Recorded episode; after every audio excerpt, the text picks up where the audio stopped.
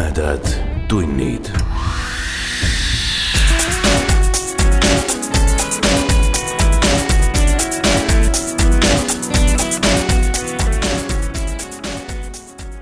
tere, hea ulmesõber. tere tulemast kuulama jutuvestmis podcasti Tumedad tunnid viiendat osa. mina olen saatejuht Priit Öövel.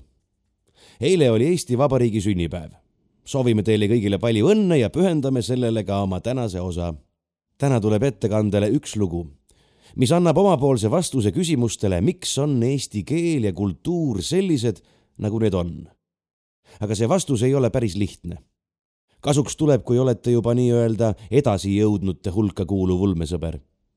ülejäänud aga võtkem kõrvale lahti tehnikaleksikon, võõrsõnade leksikon, mõni metafüüsikaalane käsiraamat ja HP Lovecrafti kogutud teosed ja hakakem kuulama. Mina ja Aiki Penno loeme teile Laur Krafti ulmejutu Ultima Cthule.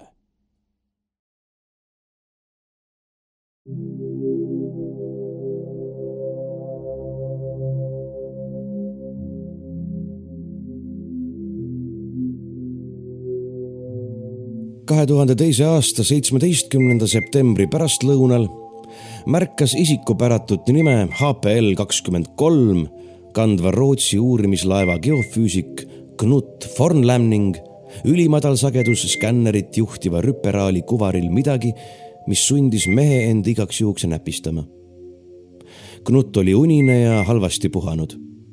õhtul oli tal tekkinud kinnismõte minna üksi Langhammerile pildistama rauke Färole ainuomaseid iidseid kummastava kujuga kaljumoodustisi. Rünkade võõrikust võlust lummatuna ajataju kaotanud, naasis ta hilja ja takerdus tagasi teel raevukasse sügistormi, mis sünoptikutega täiesti kooskõlastamata ülbuses oli otsustanud proovida saart lendu tõsta või vähemalt merre uputada. Ilmselgelt kuulus ilmastikunähtuse miinimumprogrammi, aga Knuti digikaamera läbileotamine ning kuigi harrastuspiltnik kahetses pigem ümberlaadimata jäänud fotode kui aparaadi kaotust, ei toonud see tagasi kummituslik kauneid kaadreid jääaegsetest kaljutortidest ega remontinud tilkuvat poolprofi Nikonit. taevast kui odavarrest ladisevad vihmavalingud ja kurdistav tuul kräunutasid hommikuni Sundersandi kämpinguonni ja täitsid kurnatud loodusteadlase üürikese poolune segaste košmaaridega, mille katkuhõngulistel ürgsetel platoodel kostis jumitute jäsemete tinaseid samme, hiiglaslike maokehade sahinat külmal liival ja hulluks ajavat, ent ometi lubadustest tiinet ammumist.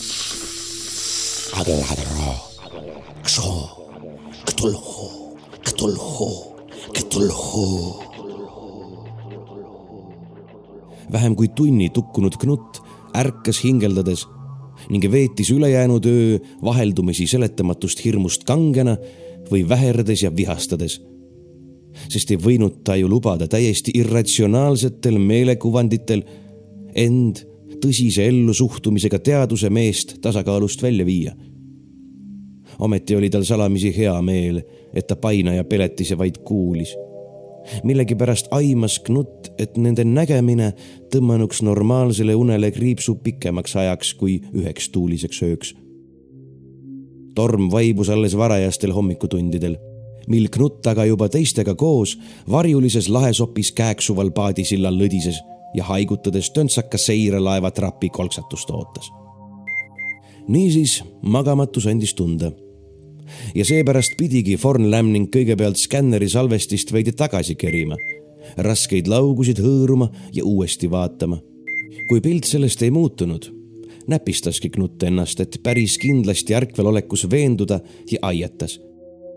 Tõrkuva optilise spektrimeetri sisikonda uuriv biokeemik Ivar Fangstarm kergitas oma töölaua taga üllatunult kulmu.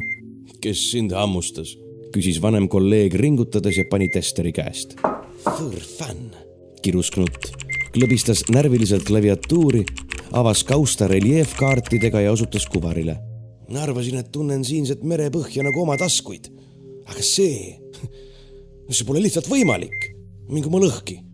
Pilk üle ärritusest kogeleva geoloogi õla kinnitas Ivarile, et põhjust terves mõistuses kahelda oli piisavalt kui uskuda külgskännerit ja VLF andureid, oli Läänemere põhjareljeef nende all viimase kaheteistkümne tunni jooksul jahmataval moel muutunud. liivase lausiku asemel, mis veel päev varem oli tundunud parima võimaliku paigana gaasijuhtme teenindusplatvormi jaoks, haigutas poolekilomeetrise läbimõõduga avaus.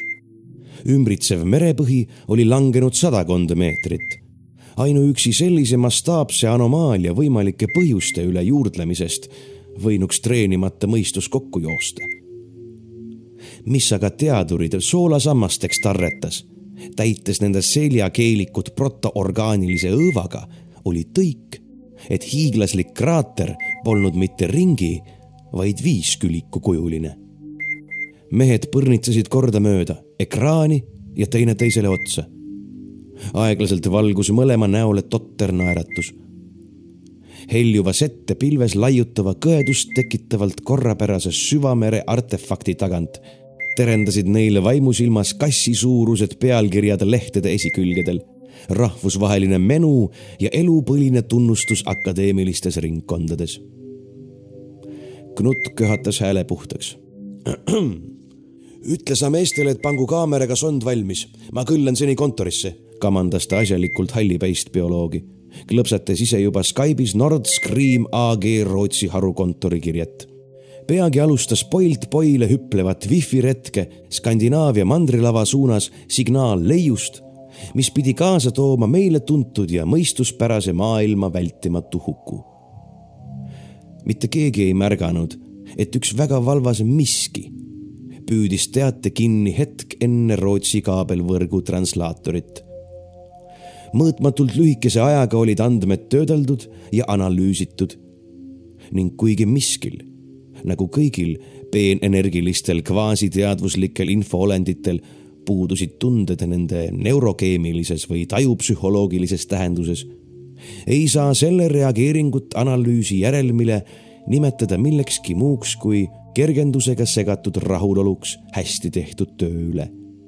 pikk ootamine oli lõppenud Agencia RN Barcelona, Madrid, september kahekümne kolmas, tuhat üheksasada üheksakümmend neli. Ceuta vabalinna Raekoja keldrist avastati remonttööde käigus enam kui kaheksasaja aasta vanuseid ürikuid sisaldav kinnimüüritud orv.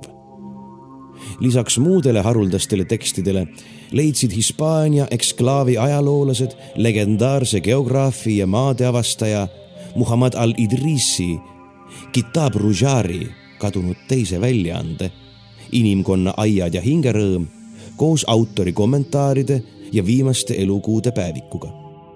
materjalide põhjalikum uurimine võib võtta veel aastaid, kuid juba nüüd on selge, et Al-Idrisi valmistas ette kolmandat, ohtraid lisandusi ja parandusi sisaldavat ümbertöötlust.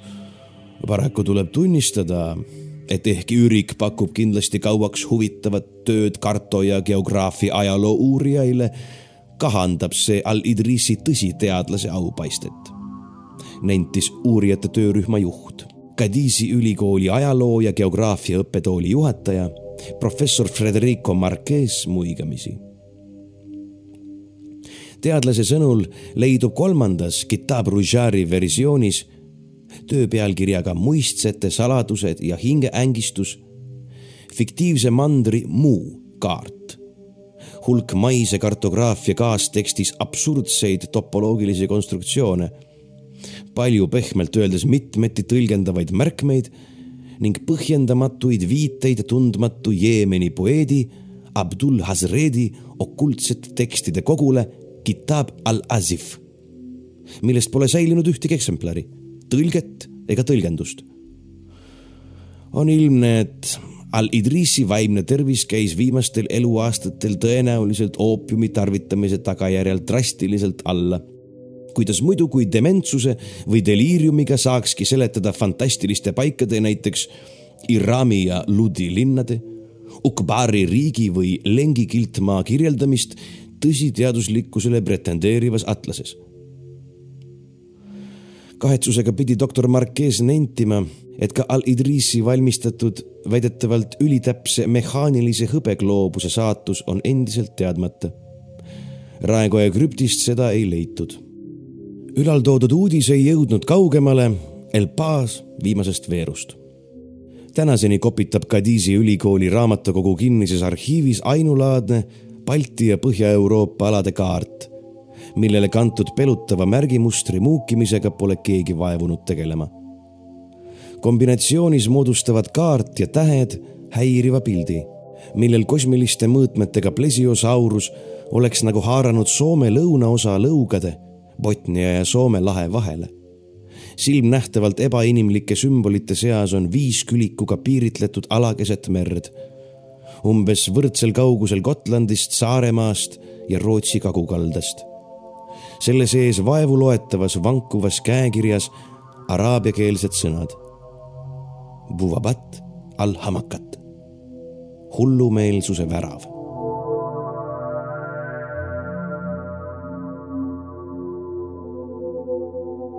must kohv, palun, tellis Uku Tuul ja püüdis ühe käega paotatud kukrut hoides ja teisega selle kohal ebalevaid ringe tehes baarmenile otsa vaadata. ülesanne oli keeruline, sest masa ja kõrtsmiku vesised, niigi teineteisest kaugel asetsevad silmad vaatasid üks ühes ja teine teises suunas. lisaks näis neid katvat õrn hallikas lüüme kae, mida märgates Uku võpatas ja pilgu tülgastusega segatud piinlikkust tundes joomakoha interjööri piidlema läkitas. palju siin vaadata polnud. madala lobutiku tühjad seinad, rohmakad lauad ja kleepuv lett olid sama ilmetud ja koduvana pruunid kui maja välimus. Poleks ukse kohal kõlkunud lauajupist nikerdatud silti vaevu loetava kirjaga Loigro baar, oleks väsinud rändaja sõiduki tühja kruusatee ja rohtunud roobastega metsasihi ristil lösutavast rookatusega tarest kahtlemata mööda vändanud. tegelikult märkaski Uku kõigepealt sildi omapärast kuju ja alles hiljem veeris välja kuhtunud sõnad. hääbuvas õhtupäikeses meenutas sakiline plaat talle ründeasendis välja sirutatud suistega Anomalokaarist Uku mäletas Kambriumi ajastu lülijalgse kiskja pilti kunagi külastatud merebioloogia seminarilt. judinad seljal tuletasid meelde ka loomalikku paanika, mille seinale projitseeritud värvitahvlilt vastu põrnitsev ürgsatikas temasse süstinud oli. eelajalooline peletis käis veel mitu kuud hiljem aeg-ajalt unenägudes ängistavalt kidisemas ja kobijaid võngutamas just siis, kui Uku hakkas veenduma, et baaripidaja kelle ta leti taga liikumatult seismas leidis, on pime ja kurtum või mis loogilisem, vahakuju, tõusid vesised silmad kinni. jah, just nimelt tõusid kinni. mehe laud liikusid sulgudes alt üles ja suu hakkas maigutama. kohvi pole, kostis paksude huulte vahelt siinkandi leelutav loksuvas pruugis pinge katkes kui teraga lõigatult ning Uku tundis suurt ja sooja kergendust nagu pärast raske eksami edukat sooritamist. isegi kohvi puudumine ei nörritanud. joogisedelit ei paistnud ning riiulid pentsiku onkli selja taga olid tühjad kõigest peale paksu tolmukorra, nii et Uku jätkas huupi. teed? uuris ta kahanenud innuga. niikuinii on mingi kopitanud pakinarts, sama palju tee kui odav viiner on liha jõudis Uku juba põgusalt muretseda, kuid seekord tuli vastus kiiremini. kuuma jooki pole. no siis Pepsit või muud, mis veidi särtsu annab, lõi leplik turist käega. kui oleksin teadnud, et siin vaata et ööni ringi hulkumist on, oleksin ise hommikul tanklapoest midagi võtnud. võileibu ka, et äh, ega teil põske pistmist leidu. kõrtsmik pomises paar murdekeelset silpi ja lahkus latsuval sammul ning Uku istus aknaalusesse teistest vähem kipakasse lauda. Minuti ja seitsmeteist sekundi pärast Ukul oli stopperiga käekell ja narr harjumus aeg-ajalt suvaliste toimingute kestust mõõta. kolksatasid tema ette klaasitäis kihisevat rohekat rüübet, vanamoelise kujuga pooltühi pudel ning kolm pöidla suurust vetruvat pulka alustassil uudishimulik matkaja torkis tarretisest tatiseid könte kahvliga ja küsis trahteri pidajalt, kes laua ees seistes ja hajameelselt põllenurka näppides ühe silmaga letti ja teisega kõrtsitoa ust sihtis. mis kala see on? kala. baarmeni silmad läksid punni ja hakkasid nii hoogsalt pöörlema, et Uku kartis tõsimeeli. kohe vulpsab üks neist otse tema limonaadiklaasi. kala pole, lisati tasasemalt, ent teenindaja hääles kõlas siiski solvumus. see on pihklane. on pihklast ja toonikut on. andestust, niuksatas Uku alandlikult. või et siinkandi härrad on nõnda ninatargad Uku mäletas merebioloogia seminarist ähmaselt silmu ja pihklase erinevusi. silmud ajasid vähem lima, imesid rohkem verd ja olid veidi talutavama välimusega. Nagu ka õppejõu kuiva kommentaari, et ihtüoloogid vaidlevad siiamaani, kas lugeda kõhrskeletiga ja lõugadeta sõõrsuid kaladeks või mitte. kuid teda üllatas, et seesugused tarbetud teadmised küündisid ka siia, ranniku lähedasse kolkasse ja et baaripidaja tunded üsna meelevaldse liigi lahterdamisõpetuse suhtes nii tuliselt väljendusid. tegelikult ei armastanud Uku eriti kala ega muid mereande, kuid kartuses leti taha naasnud ja selja demonstratiivselt tema poole pööranud imelikku meest uuesti pahandada, ajas ta libedaid palukahvliga suhu ja neelas maitsesse süvenemata suurte tükkidena alla. kuni taldrikukesele polnud jäänud midagi peale kahe pipratera. Uku sulges silmad, püüdis unustada pihklase tülgasürgse välimuse ja uhta limonaadiga suust soolaka tarrendi maigu. päriselt see ei õnnestunud, sest mullitav magusjook maitses nagu lahja uhhaa aspartaamiga. on see üldse limonaad? Uku ei mõelnudki minna uut keelekastet nõutama. ent tahtis siiski teada, kas teda on haneks tõmmatud. ei koltunud sildil osise loendis leidus taotletud särts Guarana. keset silti seisis veidralt kikivarvul värdjalik koll, milles Uku ainult tänu brändi nimele aimas kohalikku villi ja andetut katset kujutada Moskva olümpiamängude maskotti. Miška toonik oli ilmselgelt üks tuhandest hukule määratud nõuka nostalgia tootest mis kamašokolaadi ja kukekommide kiiluvees turule trügisid. Ukusse aga tulistasid need sõnad magusvalusate mälestuse valangu ühest veidi hilisemast, hoopis õnnelikumast ja paraku lõplikult möödunud ajast. tuhande üheksasaja üheksakümnendate aastate algupoolel käis Uku veel ülikoolis. otsest vajadust selleks küll polnud normaalselt tasustatud ja mugavalt libiseva graafikuga töö eduka päevalehe välis- ja teadusuudiste tõlkija toimetajana oli tal juba taskus.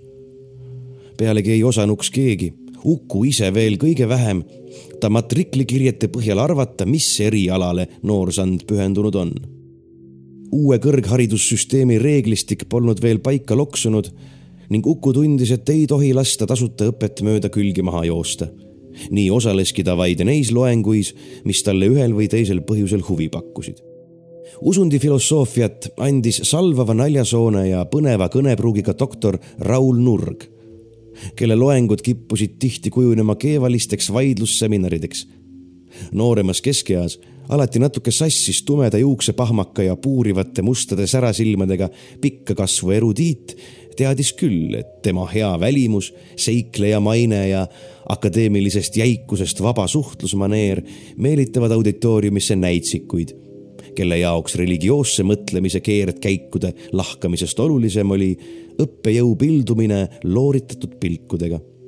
ent Nurg suhtus ka seesugustesse täie tõsidusega, tõrjudes tuliseid mõista andmisi katkematu kannatlikkusega ja koheldes kõiki noori võrdselt Ukule meeldis iga paari nädala tagant doktor Nurgi loengutest läbi astuda. ootamatud ajaloolised tõigad ja pead pööritavad spekulatsioonid pakkusid juurdlevale mõistusele vürtsi. Ja kui igav hakkas, võis ju silmanurgast piielda kaunitare, kelle esinemistihedus Nurgi auditooriumis trotsis enamasti igasugust statistilist seaduspära. nii kohtaski Uku Innat. musta verd väikest kasvu ja asjalik neiu polnud üks indlevate emaste karjast. usundi mõtte areng oli lahutamatult seotud Inna Piljavskaja eriala, vanade keelte ja kultuuride ajalooga. kaks aastat rahvusvahelise stipendiumiga Massachusettsis Miskatoniku ülikoolis vahetustudengina, äsja piiride avamist alustanud Eestis veel uudne kontseptsioon, krüptofiloloogiat ja ürgkultuurilugu õppinud tüdruku näpsu teadmiste ulatus oli jahmatama panev ning mõned tema pillatud pöörasemad oletused Egiptuse, Sumeri ja Karkoosa panteonide kohta käivitasid debatte, mis keeldusid mahtumast tavaliste õppevormide raamesse doktor Nurg ei lasknud end sellest häirida ja spekuleeris mõnuga kaasa, lappides vajadusel teabelünki ja müksates teinekord uitama kippuvat arutelu planeeritud loenguprogrammi suunas. küllap intrigeeris vene perenimest hoolimata puhast eesti keelt kõnelev neiu paljusid, kuid Uku ei lasknud end sellest heidutada. Kalevi muist selle Viru rannale kandnud põhjakotka ja asteekide sulismao Quetzalcoatli müütiliste rollide sarnasuste kohta pillatud märkus pani asjatundlikumad tudengid muigama ja Inna koguni turtsatust maha suruma. pärast loengut triivis ta neiule külje alla ning tegi ettepaneku jätkata pooleli jäänud huvitavat keskustelu kahekesi ning kohvitassi taga vähem akadeemilises atmosfääris.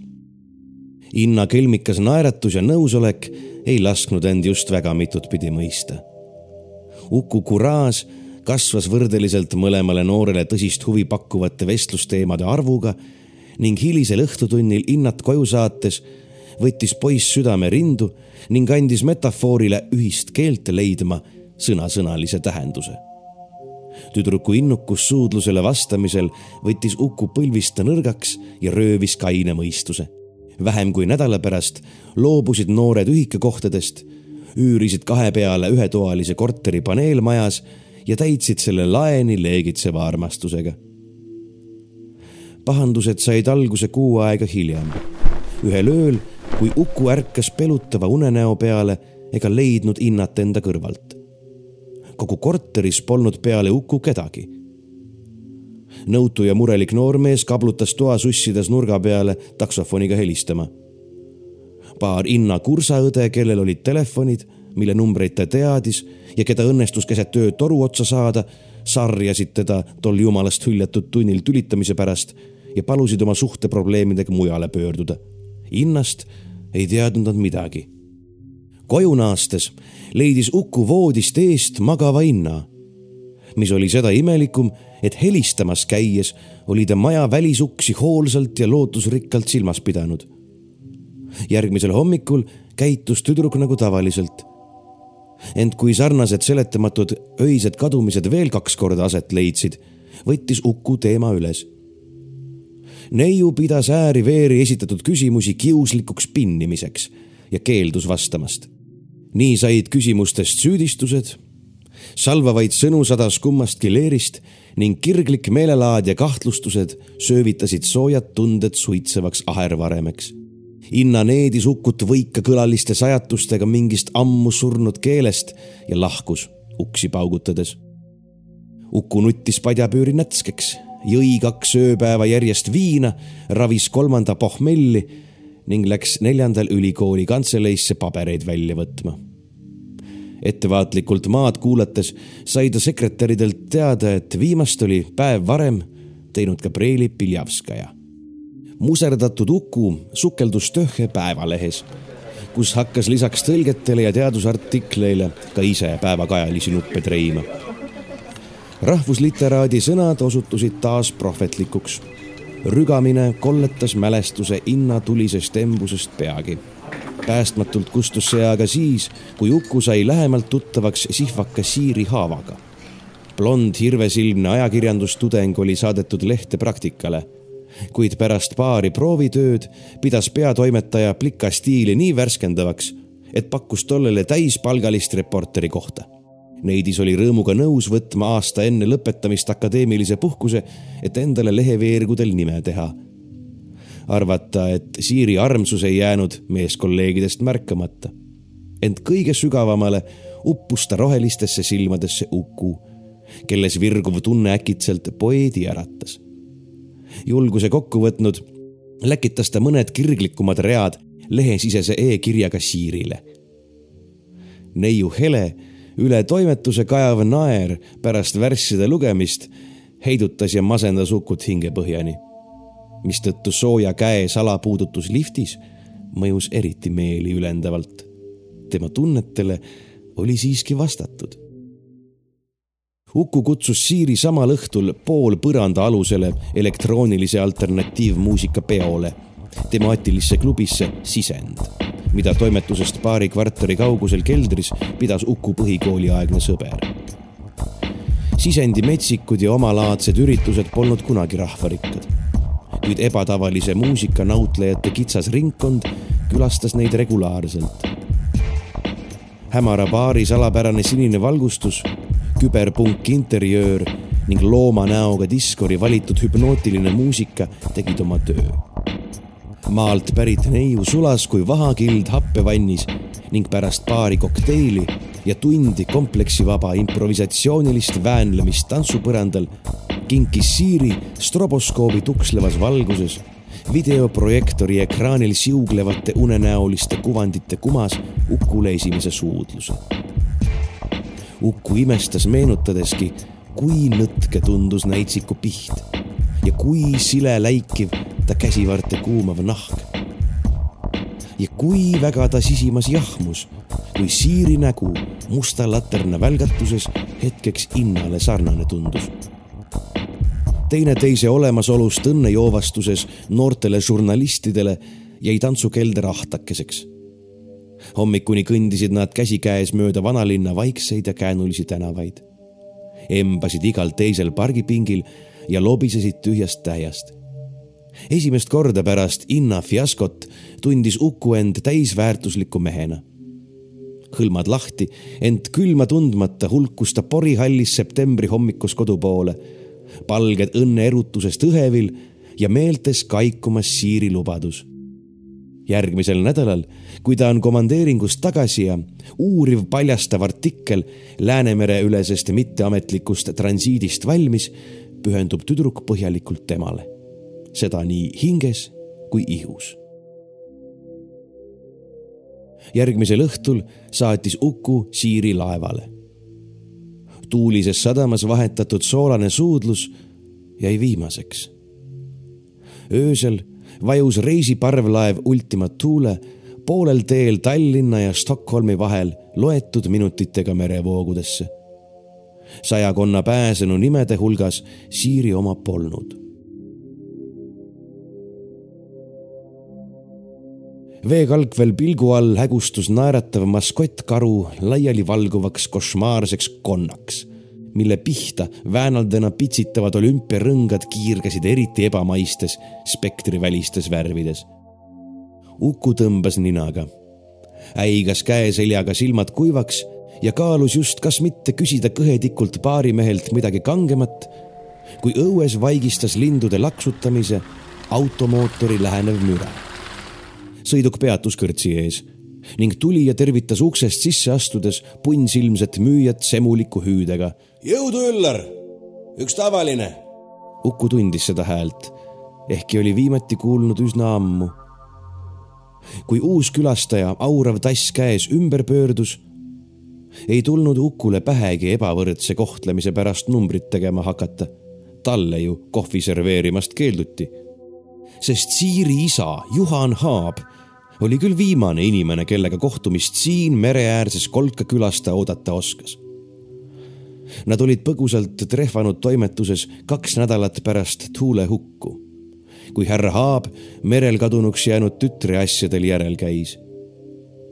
südamliku kaastunde avalduse peale tõmbus parimais aastais mehe suu nii kitsaks kriipsuks ja silmad kiskusid nii kahtlustavalt kissi et Uku pidas paremaks mitte hakata oma mõnevõrra erilist positsiooni selgitama. sõnatult ulatas ta Juhanile flopi kätte siirist järele jäänud failidega. alles siis, kui samal õhtul töölt lahkudes peatus uitpilk büroohoone fuajee pühkmekorvi heidetud tuttava punase magnetkandja kildudel, vabanes Uku teda vallanud iseäralikust letargiast. ta pöördus kannal ringi naasis toimetusse ja asus metoodiliselt läbi töötama Siiri kogutud materjale. kuigi kõige tähendusrikkamad ja salapärasemad lõigud viitasid dokumentidele, millele Ukul puudus juurdepääs, hakkas hommikuks ta vaimusilma ees moodustuma väga kõrgele ja kaugele ulatuvate niitidega kuritegeliku vandenõu skeem. mastaapse salaplaani paljastamist takistasid vaid mõned võtmetähtsad lüngad, mille oli Siiri toimetuse aadressile saadetud e-kirjas lubanud tuulepardal lõplikult ja ümberlükkamatult täita anonüümne informaator. Uku mõistis, et mäng käib kõrgelt üle tema pea Nõukogude Liidu küljest pudenenud kolmandajärgulise väikeriigi mõnevõrra kolkliku päevalehe ressursid ei lubanud tal paljusid olulisi küsimusi avalikult esitada. Rääkimata sõbralike võõrriikide võimuesindajate küsitlemisest äärmiselt delikaatsetel teemadel. Uku jätkas Ultima Thule huku asjaolude uurimist omal käel ehkki enamasti tähendas see kogu vaba aja ja energia matmist üritusse mis tänuväärselt võrdus pea ees vastu Hiina müüri jooksmisega, ei kaotanud ta lootust. eraviisilist juurdlust rahastas ajakirjaniku palk. Naiste ja sõprade jaoks ei jätkunud tal topelttöö kõrvalt enam aega ja nii sai Ukust tasapisi erak. tänavune suvi oli toonud oodatud võimaluse korjata üles üks paarist ripakile jäänud ja vähe lootust pakkunud niidi otsast. keegi peale Uku ei olnud pidanud tähelepanuväärseks, et rahvusvahelise meeskonnaga parvlaeva kogu Eesti päritolu personal pärines ühest vallast, suures osas ühest ainsast kalurikülast. nüüd, mil peatoimetaja oli ta sõna otseses mõttes toimetusest välja visanud, vandudes jumala keeli, et kui peaks tulema avalikuks, et tema töötaja pole kuus aastat puhkust välja võtnud, tooks see väljaandele paksu pahandust ei jäänud Ukul üle muud, kui pakkida seljakott, õlitada pikalt rõdul seisnud Ukraina meeste jalgrattakett ja vahetada rehvid ning vändata mööda Eesti maalilist põhjarannikut ida poole. kusagil Hara soo vahel kadus rada mõneks ajaks käest. Uku pressis merest vasemale, hoides enam-vähem huupi edasi, kuni märkas trahteri küljes pentsiku ürgkreveti kujulist silti kõhus näpistavat tühjust ja lihastes harjumatust füüsilisest tegevusest tingitud rammestust. plaaniga pärast kehakinnitust maa kuulamisega alustada oli ta siia sisse astunud, ent unustanud kõrtsmiku küsitlemise asemel end nukraid mälestusi ketrama. ja nüüd oli Siiri isa siin, habetunud, seljas linnarõivaste asemel tuulejope ja tööpüksid, aga kindlasti sama mees jõudsid ikka lõpuks pärale, ütles Juhan Haab ja naeratas. tema silmist paistis aga ilmselge hoiatus ning Uku otsustas kaasa mängida. Kalapilkne baarmen Üllar polnud usaldust millegagi ära teeninud. mis paarkümmend kilomeetrit viluga visata, kohmas ta vastuseks. siit edasi ei pea sa enam pedaale sõtkuma. ratas mahub taha ilusti ära Juhan rüüpas tassi kolme lonksuga tühjaks, asetas kolksatusega alustassile ja tõusis. Läksime. nõutu Uku astus koos vanema mehega sumedasse ööhe. Selga naelutatud Üllari liimendavate silmade tundetu pilk. alles hiljem meenus Ukule, et ei tema ise ega vana Juhan polnud Loigro kõrtsipidajale söödu joodu eest sentigi maksnud. ratas mahtus tõesti autosse kuigi Uku seda vaevu kergitada jaksas. kohe pärast Turra Uassi esiistmele pugemist ründas teda üdini tungiv roidumus. ehkki pea kihas vastamata küsimusist, ei suutnud Uku neid kuidagi üle huulte pressida. tähelepanu kippus hajuma ja silme ees virvendasid valgustäpid nagu viirastuslikud kihulased. lisaks läikis süda ja ta kartis, et kui suu avanebki, väljub sealt hoopis muu kui viisakas, ent resoluutne küsimus selle kohta, kuidas Juks teda täna siit leida oskas. siis hakkas Juks rääkima ning Uku, kellel ei jäänud muud üle kui istuda, kuulata ja silmi pööritada, leppis olukorraga ning tegigi just seda. Juhan Haab kõneles tasasel häälel inimmeelte valikulisusest ja isiklike maailmapiltide erinevusest sellest, kuidas tajud on pärsitud nendest samadest maailmapiltidest, nii et inimene iialgi ei suuda näha tervikut, vaid ikka ainult killukesi ja pudemeid, mida teadvuse võimas tulemüür ise programmuv kvantlõks reaalsusmaatriks suvatseb sõelast läbi lubada. kas sa pole kunagi imestanud? küsis Juks retooriliselt, sest ilmselt ei oodanud ta Ukult vastust. kuidas niinimetatud adekvaatne, teisisõnu konsensuslik ehk kokkuleppeline tegelikkus ajas tundmatuseni muutub? võta kas või Eesti lähiajalugu nii saksa kui vene tõurastajad käisid meie rahvast üle nagu vikat luhast. ent pikka aega heideti seda ette vaid ühtedele. teisi nimetati vabastajateks. vastavad sildid kleepusid külge üsna kangelt ja püsivad mõnel pool siiani. ehkki keegi ei üritagi teha saladust sellest, et Nõukogude surmalaagrid olid eeskujuks Saksa omadele, et mõlema režiimi käsul ja heakskiidul piinati tapeti ja vägistati ohjeldamatult. kuhu need elud kadusid? mille nimel ohverdati? objektiivse tõe ja ükskõik millise seda kirjeldada üritava mõtteviisi, antud juhul ajalooteaduse suhe, on praegu umbes samasugune nagu territooriumi ja seda kujutava kaardi vahel.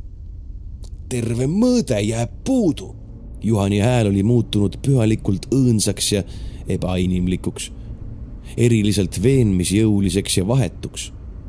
aeg peatus, jõnksatas, nihkus edasi. Uku koondas hämarduva pilgu tuuleklaasi ees rippuvale lõhnakuusele, mis paistis võõrikutes vikerkaari värvides pulseerivat täpselt nagu karvase peletise niudeid kaunistanud olümpiarõngad karastusjoogipudelil ära võta seda isiklikult, sosistas Juks otse kui Uku enda kõrva sisemusest. niimoodi siis kõlabki telepaatia, nentis kehatu ja igituttav kommentaator veelgi sügavamatest teadvuse kihtidest. põgus äratundmisrõõm mattus halvavasse hirmu. on asju, mida ei saa sõnadega selgitada. Need tuleb ise läbi elada mõne hetke pärast saad sa aru, et kellelgi meist polnud valikut. selleks, et saaksid mõista ja meelde tuletada, on vaja väga erilist äratamist. kokteil mõnedest vähem tuntud adrusortidest ja rabamarjadest üksi ei tee lapselegi liiga. nagu pole kõrvalmõjusid ka hapendatud pihklase ihu söömisel. kui need kaks aga kokku saavad sa oled šamanistliku kultuuri ja maailmapildiga veidi tuttav. tead, kus ja kuidas muiste ja kaugel kasutati punast kärbseseent, ajahuaskat, pojomatlit. mida sul aga koolis ei õpetatud, on, et maailma kõige ürgsem, salajasem ja tõhusam nõiduskultus elab siinsamas Pnakotuse käsikirjades mainitud Lengi kiltmaa oli Läänemeri enne vee alla jäämist. ainult et selle põhja ei lihvinud siledaks mitte liustikud, vaid šogotid. Elboni raamatust tuttav Hüperborea on muistne Eesti. maagilise Põhjala au, mõistus ja südametunnistus. tähed on kummaliselt joondumas ja värav on juba irvakil meil on väga vähe aega. sina oled võti ja lukk, küsimus ja vastus koos. tõeliste šamaanide puhtaima vereliini viimane kandja. mine nüüd ning jäta kõik hoolega meelde. sind oodatakse tuhandes võimatus toonis tuksuv lõhnakuusk. Wunderbaum, made in Germany moondus Uku silme all taevasse osutavaks nooleks. kuhu mujale kui ikka üles, muheles kommentaator kobijate vubinal. Uku ammutas tolle küünilisest osavõtmatusest natuke julgust ning otsustas suhtuda kõigesse järgnevasse kui unenäosse, millest on vajadusel kerge ärgata. üles, mõtles ta ja läinud ta oligi. viies mõõde avanes kuulmatul kärinal tegelikkus rebenes nagu templi vahevaip ning elukristalli fraktaalne filmilint rullus kujuteldaval montaažilaual lahti nagu piltmõistatus mõnest Escheri luupainaja likumast unenäost. üles hõikas Uku iseendaga kooris tuhandel häälel üles, üles, hellad velled. Uku mõistis kõike ühe ainsa silmapilgu vältel. Kuni nõiarohi toimib, näeb ta kõrgemat tegelikkust nii, nagu seda kogevad surijad või arbujaks sündijad. astraalprojektsioon lubab neljamõõtmelist kvanthologrammmaatriksit aduda ühe korraga. Uku vaatab igikestva jahmatusega pealt, kuidas tumedad isandad kaugelt teistest mõõtmetest ja kosmilistest ainetühimikest nakatavad tühja ja palja planeedi eluviirusega. Konstrueerivad bioloogilise andmekandja ja annavad astronoomilises iroonia hoos sellele kuju, mis otseselt viitab nende olemusele.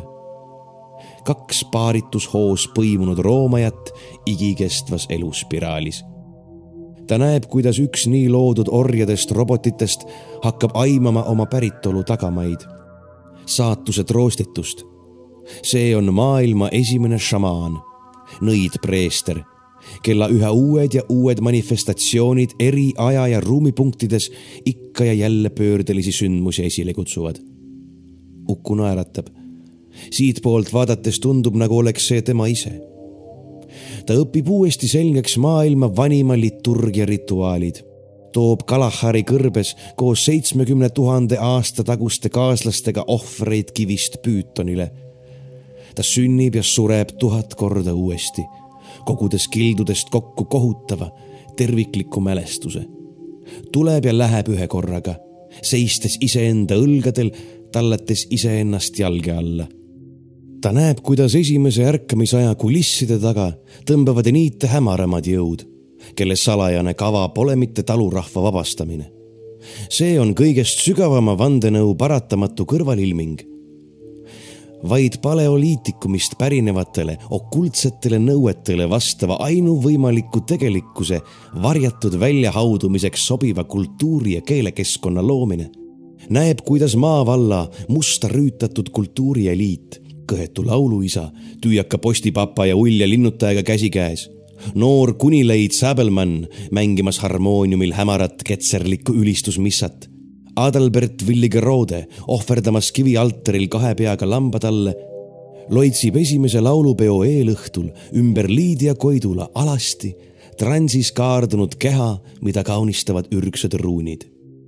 kuidas silmitu ja üüratu põhjakonn, astraaltiivuline Chateaugua avab tülgastavad lõuad ning joob kulinal rentsleid vereojadega kastvate revolutsionääride ja hullunud rahvamasside piina ja vaimuväge. noolib küüditatute meeleheidet ja orbude leina. kugistab igal rindel eluõiguse või tühjalt kõmisevate aadete nimel üksteist tapvate, üksteise võidukuulide all surevate noorte meeste mahlaseid hingi liimendav ohver lepitab iidsed isandad, kes uinuvad pikalt ja rändavad viimaks vaid unedes, jättes truu orjarassi, omaenda ära neetud, kammitsetud, aheldatud ja sandistatud lapsed järelevalveta. läbi loendamatute elude, jah, ja loendamatute surmade, piiritu valu läbi kaasasündinud kaamuse punutud võrk moodustab kuratliku silmuse mille sõlmpunktides nihutavad üksikud asjasse pühendatud sündmusi vajalikus suunas. Uku hoomab, kuidas iidsed salaühingud on tema emakeelt hoolega kultiveerinud, maailma ajalugu kannatlikult konstrueerinud ühe ainsa vapustava eesmärgi nimel, saavutamaks sündmuste ja inimsaatuste kokkulangemist, milles Uku enda roll on ootamatu, vaieldamatu ja keskne. Amolsk, euvelõptit, see, amoot, ennõletsala, moujokba, uuõi velaks, islük. kisendab Uku, kui tema teadvuse uksed ja aknad ühe korraga avanevad ning tõe talumatu tõmbetuul meelemõistuse ürgse lõõriluuaga puhtaks pühib. kosmiline võrk võpatab ja pöördub nihkub ühes olulises punktis vaevu märgatavalt õiges suunas.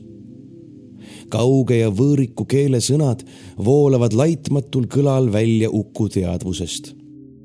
Azastim, maukuilake, äkpak lõi, ikeelelu tasu, alamadn, ekõida vöölas. Vallas tole hakk turripk, lõklim ageab, aga ladro, ksi. korraga on kõik selgemast selgem. mõned sõlmed kiirgavad eredamalt, erilise tähendusrikkusega jumalikku anamneesi sukeldunud Uku naeratab üle keha. pimeda looja hääl lausub aegade algusest. tuul, Uku tuul, Uku tuul, Uku tuul, Uku tuul.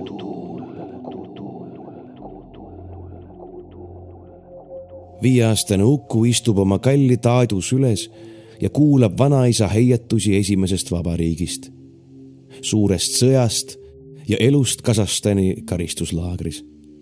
vanaisa nimi on samuti Uku. tuulte suguvõsas on vana tava pärandada kenamaid nimesid üle põlvkondade. ning oma ligi üheksakümne eluaasta juures ei ole tal enam muid huvisid peale nimekaimust lapselapsega suhtlemise. väike Uku kuulab suu ammuli sest Taadu jutud on kordi põnevamad ja süngemad kui kõik Sojus multfilmi Siilid, kiisud, kuked ning pühapäeva hommikuses saates Teenin Nõukogude Liitu nähtud sõdurid, õhutõrjekahurid ja soomukid kokku. väljaspool neljamõõtmelist aegruumi seisvat Ukut ei huvita aga Kengiri mässu kosmilised tagamaad ega vere pulmas ja metsikus üürikeses vabaduses sündinud vangilaagri usundi üksikasjad tema kuulab uuesti ainult seda, kuidas klike ajal vend Vahindra juhendusel idamaise mõtlusega tegelenud vanaisa tuletas laagri julma argipäeva hõlpsamaks talumiseks autohüpnoosi abil täies ulatuses meelde ja õppis pähe Kreutzwaldi Kalevipoja ning töötas lõpuks selle põhjal välja ainulaadse ennustusmeetodi. nipp on selles, et õigesti ennustada saab vaid too, kellel on kogu eepos peas, seletab vanaisa. vaatab siis üles ja pilgutab Ukule silma. pilgutab silma mitte enda süles istuvale pojapojale, vaid enteogeenilises lummas kehatuna triivivale nooremas keskeas mehele, kes on samas ometi ka seesama laps, seesama Uku. võrk tuksatab uuesti ning Uku leiab end järgmisest eredamast sõlmpunktist. kaheteistaastane Uku tolles ajahetkes nimega Must Kotkas istub koos teiste äärelinna indiaanlastega suguharu ainsas püstkojas. kuuseokstest, laudadest ja vanast paikatekist konstrueeritud onnis ning tähistab limpsi ja võileibadega võitu, mis saavutati veretuslahingus Robin Hoodi ning tema vahvate vabatmeeste, naaberhoovide eakaaslaste kambaga. nagu pealikule kohane, hoopleb must kotkas kogutud skalpidega demonstreerides teistele vereplekke puust ja poroloonist meisterdatud tomahoogil. ühele tema vapratest sõdalastest, klassivend Toomasele, vabandust, väledale pantrile, läheb sõnaohter kelkimine hinge. see tomahook on sul üks junn, sellise võib igaüks ise teha, käratab ta. minu vanaisal on Saksa armee kiiver, tääk ja Esimese maailmasõja aegne parabellum. Toomas teab küll, et ei tohiks sellega hoobelda sõjavarustuse kollektsioneerimine võib kaasa tuua ebameeldivusi seaduse silmaga. ent ülbe mängukaaslane vajab paikapanemist. minu vanaisa oli võlur, tuleb Uku lagedale ootamatu trumbiga. ta oskas hinge kehast välja saata ja tulevikku ennustada. see ei ole võimalik, kahtlustab Toomas kohe. on küll, vanaisa näitas mulle. aga see töötab ainult siis, kui tead tervet Kalevipoega peast kaitseb Uku kadunud Taadu mälestust ja au. suguharu pahvatab naerma nagu üks mees. ma ju ütlesingi, ei ole võimalik, teatab uskumatu Toomas rahulolevalt. mitte keegi ei suuda Kalevipoega pähe õppida. see on kindla peale minek. rahvuseepos on kõige paksem raamat Tooma riiulis ja ehkki selles leidub vahvaid pilte, on see kindlasti kõige igavam kirjasõna, mida ta kunagi sirvima vaevunud veame kihla, partsatab kartmatu must kotkas enne, kui jõuab tagajärgedele mõelda. pärast pikemat kauplemist lüüakse käed. Uku lubab õppida Kalevipoja kooli vaheaja lõpuks pähe. Toomas vannub, et kui tal see õnnestub, viskab tema koolidirektorit, tõredat ja ranget aparatšikut, kes lapsi silma otsaski ei salli, aktuselt tordiga. kui ei, peab sama tegema Uku. See tähendab, et aega on napilt kaks kuud. samal hilisõhtul süütab Uku teki all taskulambi ning sukeldub Taadust järele jäänud santsukastist leitud narmendavasse vihikusse, mis kannaks, kui selle kaaned alles oleksid, arvatavasti mõnda pretensioonikat ja vanamoelist pealkirja nagu animaalse magnetismi, iseeneselise hüpnotismi ja hingede rändamise orientaalsed saladused. Pärast nädalapikkust harjutamist oskab ta end viia autosugestiivsesse transsi. nüüd pole enam vaja muud, kui lugeda Kalevipoeg kassettidele Uku ohverdab püha ürituse nimel mõned APA, Pesnjari ja Dibuhtise originaalid vanemate fonoteegist, sest piisavat hulka tühje linte hankida ei õnnestu. isegi MK kuuskümmend on defitsiit. lugemisele kulub kaks nädalat. järgneb unes õppimine. Armastav ema ei taha küll lubada pojal kõrvaklappidega magada ent kui Uku ei jäta jonni ja selgitab kannatlikult, kuidas suvisest kodutööst sõltub loodusloo aastahinne, leebub lapsevanem lõpuks. auto hüpnootilisse seisundisse jõudmiseks kulub Ukul pool tundi. sel ajal käib lihtsakoelises makis ringi kasseti tühi pool. transis suudab Uku viibida samuti pool tundi millest piisab korraga mitmekümne lehekülje värsse eepose talletamiseks noortesse ajukäärdudesse posthüpnootilised päästikud peaksid aitama omandatud materjalis orienteeruda. määratud kuupäeval, kooli vaheaja viimasel vabal õhtupoolikul juba tuttavas onnis Kalevipoeg kaenlas kambajõmme oodates tunneb Uku end vägagi enesekindlalt. ta pole aga osanud arvesse võtta üht tegurit loomupärast kaootilisust, mille needus saadab suurt osa Nõukogude päritolu tehnikast kiirustades on kahe silma vahele jäänud üks oluline pisiasi. nimelt on mehhanism, mis kasseti pooli vahetab nigelavõitu. tühja poolt teise vastu vahetades pöörab makk lindi pahupidi. Uku sulgeb silmad, avab suu. Sõbrad jälgivad õudusega, kuidas ta arusaamatu lälina. Enimu gnivelu utam hivn ihoketen jalki lbeakan iel nihut. Esekeluut luksimd esu tuluk ettetlav rukkenõkke mi vistit soktlav rukk. saatel sügavasse lovesse langeb. hõikumisest raputamisest pole mingit kasu. mis nüüd saab? Küsib Toomas nutuselt. Uku avab silmad, mis ei kuulu enam talle kanaldab taas kehastunud Delfi oraaklina ootamatuid teabepudemeid ja vastab. ja aasta pärast on siin sõdurite linn. poole aasta pärast leitakse vee alt kiskja keha. kolme kuu pärast tõugatakse must kass troonilt. siis värvub Uku parema silma valge sügavpunaseks ja ninast hakkab jooksma verenire. ta variseb külili sõbrad toimetavad teadvusetu meediumi traumapunkti, kus tõsised arstid kogunevad poisi ümber ja lausuvad arusaamatuid sõnu ühel hetkel Uku küll toibub, kuid ei mäleta kogu ettevõtmisest midagi. Enda teada on ta viimased kaks kuud öösiti rahulikult maganud ning indiaanlasi mängides lihtsalt kõvema vopsu vastu pead saanud. keegi ei tuleta kellelegi meelde kihlvedu.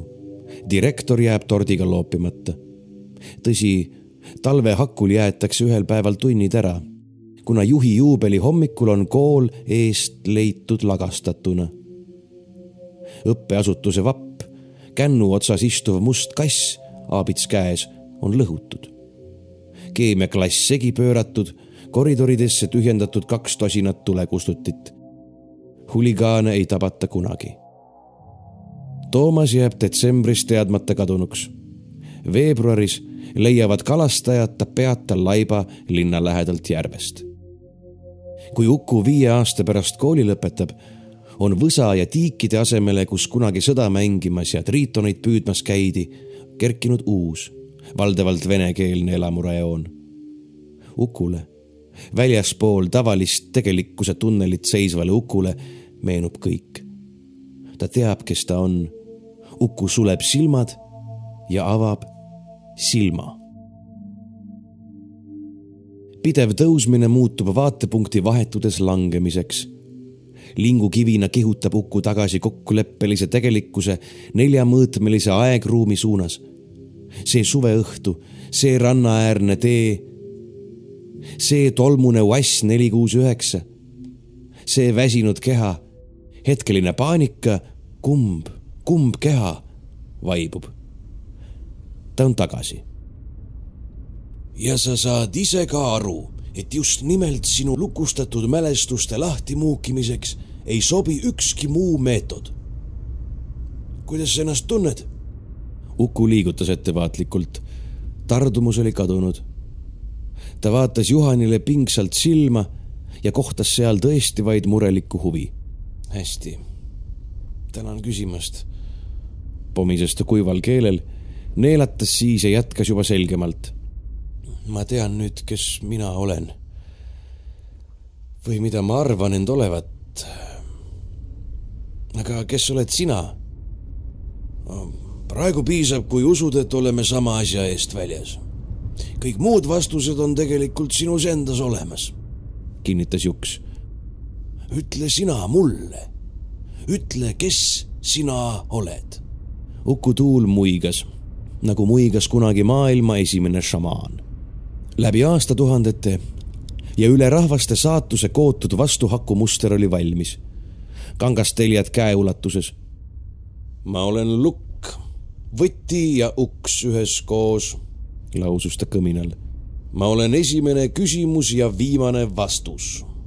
ma olen kild hologrammist, milles peegeldub kogu tegelikkus ma olen hääl, mis kostab ühe käega plaksutades. ma olen biorobotite lunastaja, tabamatu tõuk meie orjastajate reaalsusmaatriksis. ma olen demiurg, aeg ruumis ja ruum ajas. igavene liikumine ja paigalseis, in ja yang. ma olen isa, poeg ja püha vaim programmeerija, arvuti ja lähtekood. mina olen Necronomicon. seda ma tahtsingi kuulda, ohkas Juks kergendunult. nüüd oled sa valmis kuulma järgmist ohtlikku tõde. mina olen ka. maastikuauto oli märkamatult peatunud tuttava hoone ees. Uku vahtis juhmistunult Loigro baari ja selle ees seisvaid tuttavaid kujusid. et vana Juhan on tema enda eakam ja kogenum kehastus oli Uku vaistnud kohe, kui algas transcendentaalne seiklus. või juba varem. siis, kui seda hääle ära tundsid, küsis ürgseimast ajusopist alati üleolev lülijalgne kommentaator dramaatilisel kidinal. see ei olnudki eriti üllatav. rabas hoopis muu. trahteri ees kalasilmse üllari kõrval seisis naeratav Inna, kes oli samal ajal ka Siiri ja kui õigesti vaadata, oli ta samal ajal ka jumalanna inanna ja tiivuline valge madu. tere tulemast tagasi koju, laususid nad kooris. Chateaugua kujundlik äratuskell, üheksamõõtmeline loits, mis andis endast märku siis, kui muutus selle kvantolek ja murdus sirgjooneline vektor.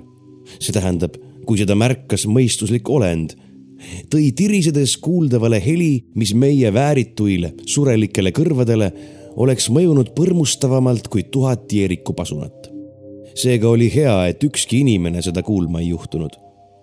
Chateaugua puhkepaik, igipimendatud Nkai, asus inimeste maailmast üheainsa kvargivõnke kaugusel, mis oli aga seni osutunud täiesti piisavalt ületamatuks müüriks iidne põhjakonn keeras kujundlikku külge. Iraanis hävitas maavärin Bammi linna, nelikümmend tuhat inimest hukkus kisendades. avas hetkeks ühe kujundliku silma, uppus parvlaev Ultima Thule, ligi tuhat jäi merevoogudesse. haigutas Sumatra Andamani veealune maavärin kustutas veerand miljonit eluküünalt Aasia tsunamis, rikkudes kogu maailma jõulud limpsas läbi une keelt nagu maasikatega maiustav laps ja vajutas kujundlikku vaigistusnuppu. oma isandale mõõtmatult lähemal kui meie, ent praktilises mõttes ikkagi kättesaamatus kauguses teisel pool kvarki ja leptonit keerles lõksu jäänud miski igaveses silmuses, pildudes kasutuid needuseid, õgides iseenda saba ja oodates käskija järgmist ärkamist või seda, et mõni saamatu algaja okultist talle nime, kuju ja teovõime omistaks. veel paar kujundlikku tunnikest tukkuda.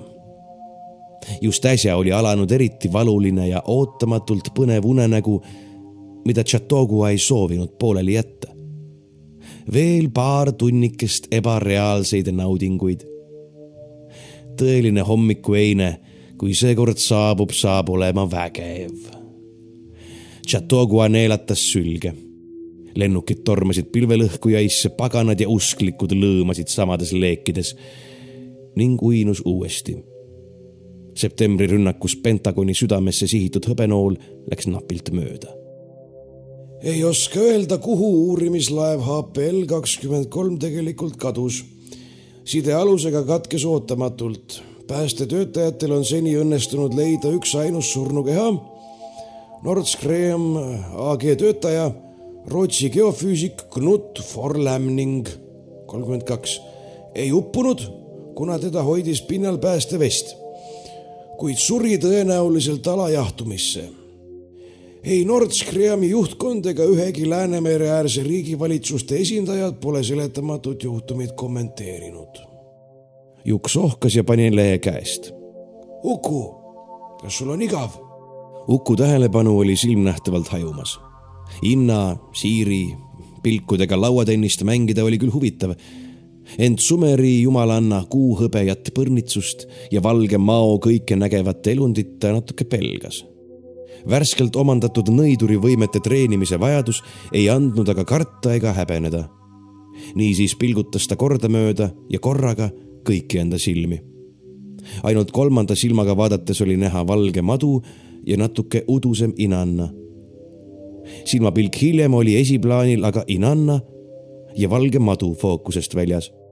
ainult lihalikul pilgul, parema ja vasema silmaga vaadates polnud näha üldse kedagi.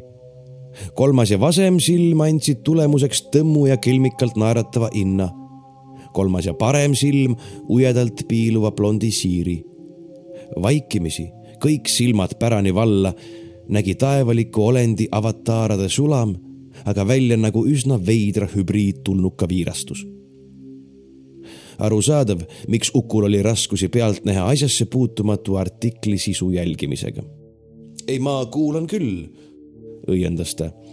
aga mis seos on neil uppunud rootslastel teie tegevusega? meie tegevusega, Uku, naeratas naiselukas üle laua sa oled sellega sama lahutamatult seotud nagu me kõik. olid seotud juba enne sündi ja jääd seotuks pärast surma. lohutagu sind teadmine, et kaalul on kogu inimsoo vabadus. kaotada pole midagi, võita aga kõik. Ukule meenus, et nii Inna kui Siiri on osavad egokõditajad. kuidas ma küll piltmõistatust varem kokku ei pannud mõtles Uku endiselt veidi juhmistunult ja nentis siis resigneerunult, et see polnud lihtsalt võimalik. ta ei saanud ju aimata, et mingi mõistatus üldse olemas on. ka kõige kaunim neist on madu, tsiteeris kommentaator Taamal elutargalt pühakirja. abi otsides pöördus Uku ihtujo android Üllari poole. Loigro kõrtsi või interplanaarse vabastusarmee Põhjala erigrupi peakorteri aknast kiiskavas hommikuvalguses olid lõpused natuke paista. ehkki põlle ja kotti stressipüksid paramilitaarse vormi rammusa murraku laitmatu kantseliidi vastu vahetanud Üllar hoidis pead enamasti õlgade vahel. kalasilmi varjasid päikeseprillid. millega meie õigupoolest tegeleme? uuris Uku kas me allume sõjaväeluurele?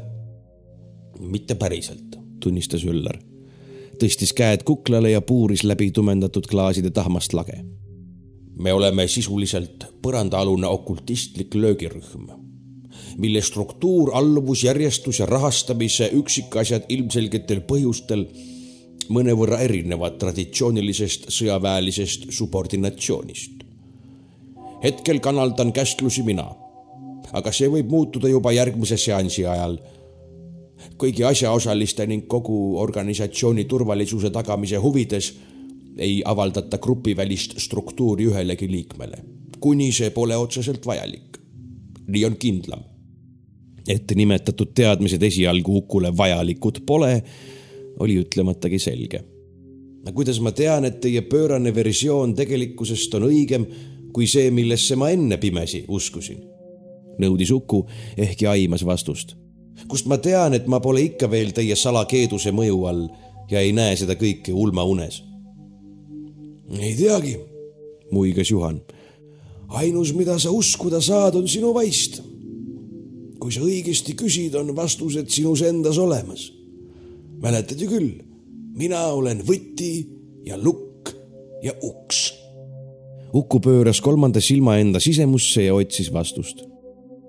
Saan aru, lausus ta aeglaselt kõlatul häälel. Süütud teadlased pidid surema, sest sattusid kogemata peale Chateaugua äratusloitsu manifestatsioonile, milleks oli meie neljamõõtmelises konsensusreaalsuses hiiglaslik ürgne värav, pääs iidsete kodadesse, maailma kõiksuse algjõulätetele ning kosmilisse andmesidevõrku. Kui nad oleksid ellu jäänud oleks kriitiline olekuvektor murdunud ning Chateaugua ja tema järel kõik uinuvad iidsed ärganud. alanud oleks inimkonna ajaloo kohutavaim ajajärk. kohutavaim ja viimane. Uku avas ihusilmad. aga kes või mis nad tappis? kas mina? meie kõik. kaasa arvatud sina, tunnistas Üller. Võib-olla kogu inimkond alates esimesest valgustunust.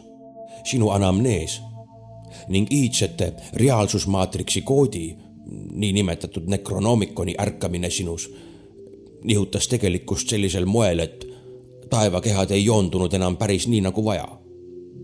katastroofid, mida oli tarvis pooluinuva Chateaugua vaigistamiseks ja lepitamiseks, tekitasid meie planeedi liikumises, konsensustegelikkuse projektsioonides või mõlemas korraga tillukesi ebakorrapärasusi, mis kajastusid ja võimendusid tähekaardil.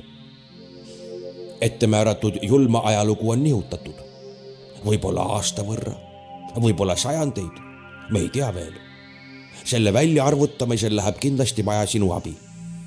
aga inimkond on sel moel ja sinu kaudu kättesaadavaks muutunud teadmiste abil viimaks vaba kirjutama uut tegelikkust, uut ajalugu vaba võitlema saatusega veel ühe päeva, aasta, sajandi. sa ei saa ometi tõsimeeli küsida, kas need surmad, milles vallandunud energia valikuline juhtimine oli vajalik sellise eesmärgi saavutamiseks. elud, mis oleks võetud igal juhul, kuid meie sekkumiseta juba täiesti mõttetult raisatud, ainuüksi verejanuliste isandate isu rahuldamiseks hävitatud, oli selleks liiga kõrge hind. Ära targuta sekkus vana Juhan kähedal häälel. ta palged olid tuhakarva, pilk väsinud. sa tead, et vajadus seda küsimust esitada on ainus, mis meid meie orjastajatest eristab. anna inimesele aega vastus ise välja mõelda.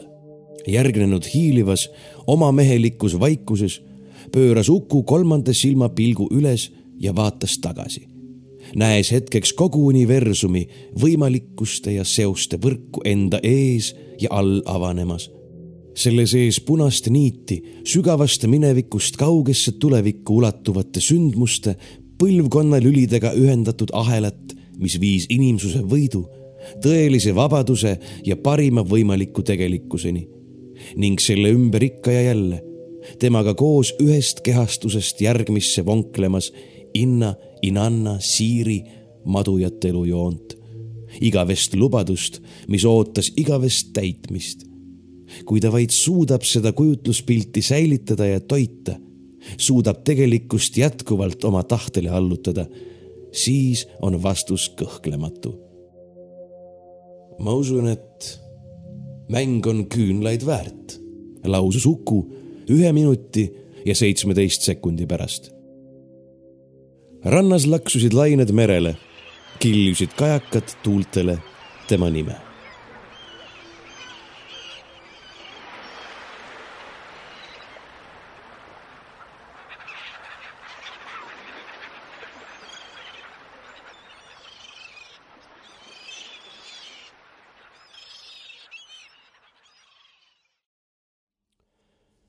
ja ongi tänaseks kõik. Kui midagi segaseks jäi, siis kuulake uuesti või lugege oma silmaga üle. lingi teksti juurde leiate meie sisututvustusest. kõik tähelepanekud, head soovid laitused, kiitused ja kommentaarid on oodatud meie Facebooki lehele Tumedad tunnid podcast või meie kodulehele tumedadtunnid.ee. kuulake ja jagage meid ka sõpradega. kohtumiseni märtsi viimasel nädalal